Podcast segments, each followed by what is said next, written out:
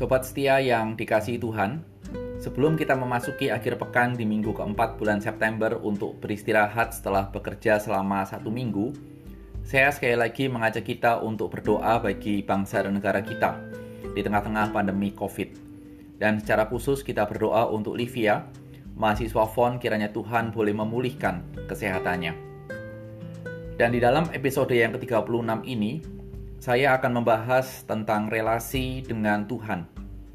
Kita berhenti dulu sejenak dalam pembahasan Injil Lukas, dan ini adalah satu permohonan tema untuk dibahas dari Jameson, yang saat ini sedang bertugas di Siloam Balikpapan.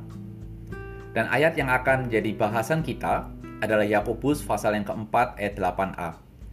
Mendekatlah kepada Allah, dan ia akan mendekat kepadamu.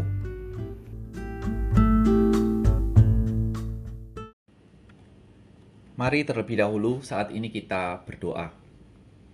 Tuhan Yesus biarlah kesegaran dan kelimpahan dari firman Tuhan boleh sekali lagi menyukakan hidup kami di dalammu. Demi Kristus Tuhan, amin. Sobat setia, selama pandemi COVID-19 yang sudah berlangsung di negara kita kira-kira selama enam bulan, berapa kali kita mengambil waktu tenang, merenung dan mengevaluasi kehidupan kita? Apa yang kita dapatkan dari perenungan dan evaluasi dari diri kita. Mungkin saat ini kita menyadari situasi yang sulit. Kita mendengar kata-kata resesi dalam beberapa saat ini menggaung sangat kuat. Dan mungkin memikirkan bagaimana kehidupan ke depannya. Entah ada rasa khawatir, takut, dan lain-lain. Tapi apakah kita juga memikirkan bagaimana relasi kita dengan Tuhan untuk ke depannya? Di tengah-tengah pergumulan yang kita takutkan saat ini. Surat Yakobus yang menjadi pokok landasan kita, yang ditujukan kepada jemaat di perantauan, dan berdasarkan kisah para rasul pasal 11 ayat 19, saat itu terjadi sebuah penganiayaan dan merajalela. Dan inilah yang menjadi latar belakang dari surat Yakobus. Dengan adanya penganiayaan dan ayat yang kita baca tadi, mungkin kita bertanya, apa hubungannya penganiayaan dengan perintah dari Yakobus untuk umat Tuhan mendekat kepada Allah. Sobat setia yang dikasih Tuhan, dalam beberapa sharing pergumulan dan kesulitan dalam menjalani kehidupan ini, saya beberapa kali mendengarkan bahwa hebatnya kesulitan dan pergumulan dalam kehidupan kita sebagai umat manusia menghasilkan sebuah respon bahwa kita mencoba dengan segala kemampuan kita untuk menyelesaikan permasalahan yang ada. Kita menginginkan jalan atau cerita hidup kita seperti yang kita pikirkan, yang kita bayangkan. Tetapi biasanya hal itu tidak terjadi. Kemudian kita merasakan bahwa usaha kita gagal. Dan ketika usaha kita gagal, apa pun yang kita lakukan tidak berhasil. Kita kemudian membawa persoalan itu kepada Tuhan dengan sebuah harapan ada solusi, ada pertolongan, dan secara waktu instan. Berharap Tuhan seperti membalikkan telapak tangan untuk menolong kita. Dan kita memikirkan bahwa hidup kita, kita ingin seperti cerita atau story atau bayangan atau harapan yang kita impikan. Namun harapan untuk Tuhan menolong kita melewati segala kesulitan, melewati segala pergumulan secepat kilat, biasanya atau jarang sekali terjadi.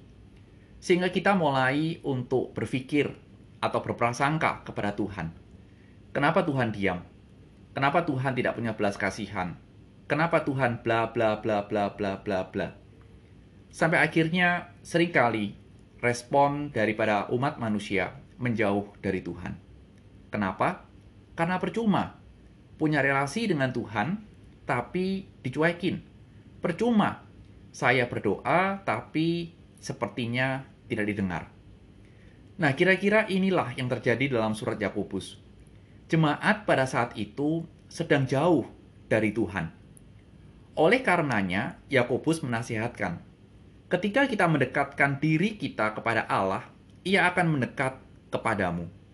Kira-kira dalam bahasa saya, serumit apa pun dan sesulit apa pun kehidupan kita, milikilah relasi yang dekat dengan Tuhan.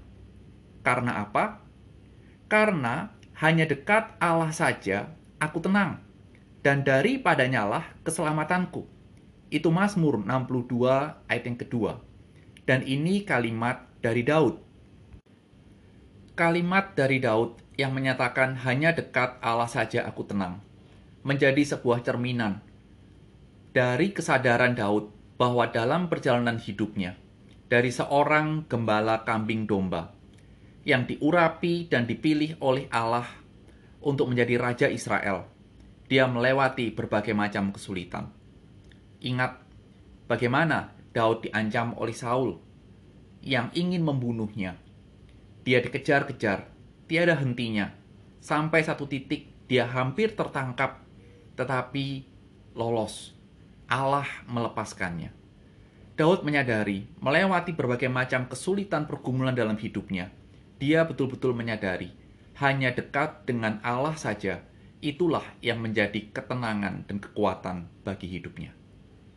Sobat setia, dinamika kesulitan dan pergumulan hidup kita memiliki level kesusahan yang tidak dapat dibandingkan satu dengan yang lainnya.